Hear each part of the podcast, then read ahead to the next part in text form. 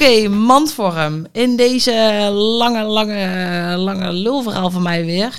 ehm, vertel ik je alles over hoe je fatsoenlijke doelen moet stellen voor het nieuwe jaar. Dus als jij weet, hey, ik wil hier en hier en hier aan werken. Nou, dikke top natuurlijk. Maar hoe ga je het nu in zo'n doel formuleren... dat het ook eh, ja, leuk blijft om aan je doelen te blijven werken... en dat je ze gewoon één voor één kunt aftikken.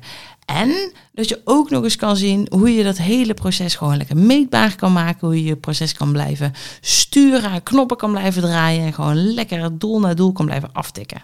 Nou, ik neem je mee in negen, negen stappen om fatsoenlijke doelen te stellen en dus jouw groeiproces te meten. En ik vertel je alles over Smart T doelen. Dus een Smart T, ja, het is geen smart, maar Smart T doelen. Ehm, daarvoor mag je naar de hele aflevering luisteren. Maar de mandvorm. Negen stappen om een fatsoenlijk doel te stellen en jouw groeiproces te meten. Stap 1. Eh, kies een onderwerp, bijvoorbeeld voeding, beweging, ontspanning, routine, mindset. En kies daar een subthema van wat je wil verbeteren. Bijvoorbeeld meer groente eten.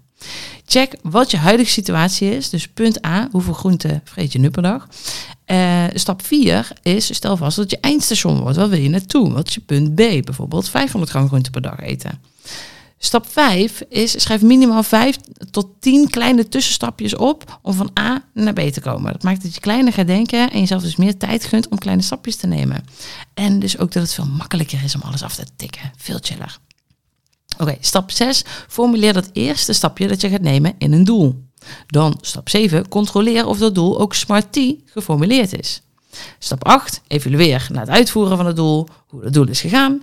En stap 9 is stuur bij eh, ja, als het doel misschien niet helemaal is gelukt zoals jij het zou willen. Of ga door naar de volgende stap als je alles hebt afgevinkt. Nou, dat waren eigenlijk de negen stappen. Super easy peasy. Als je nu denkt, smart T doelen, wat de fuck is dat dan?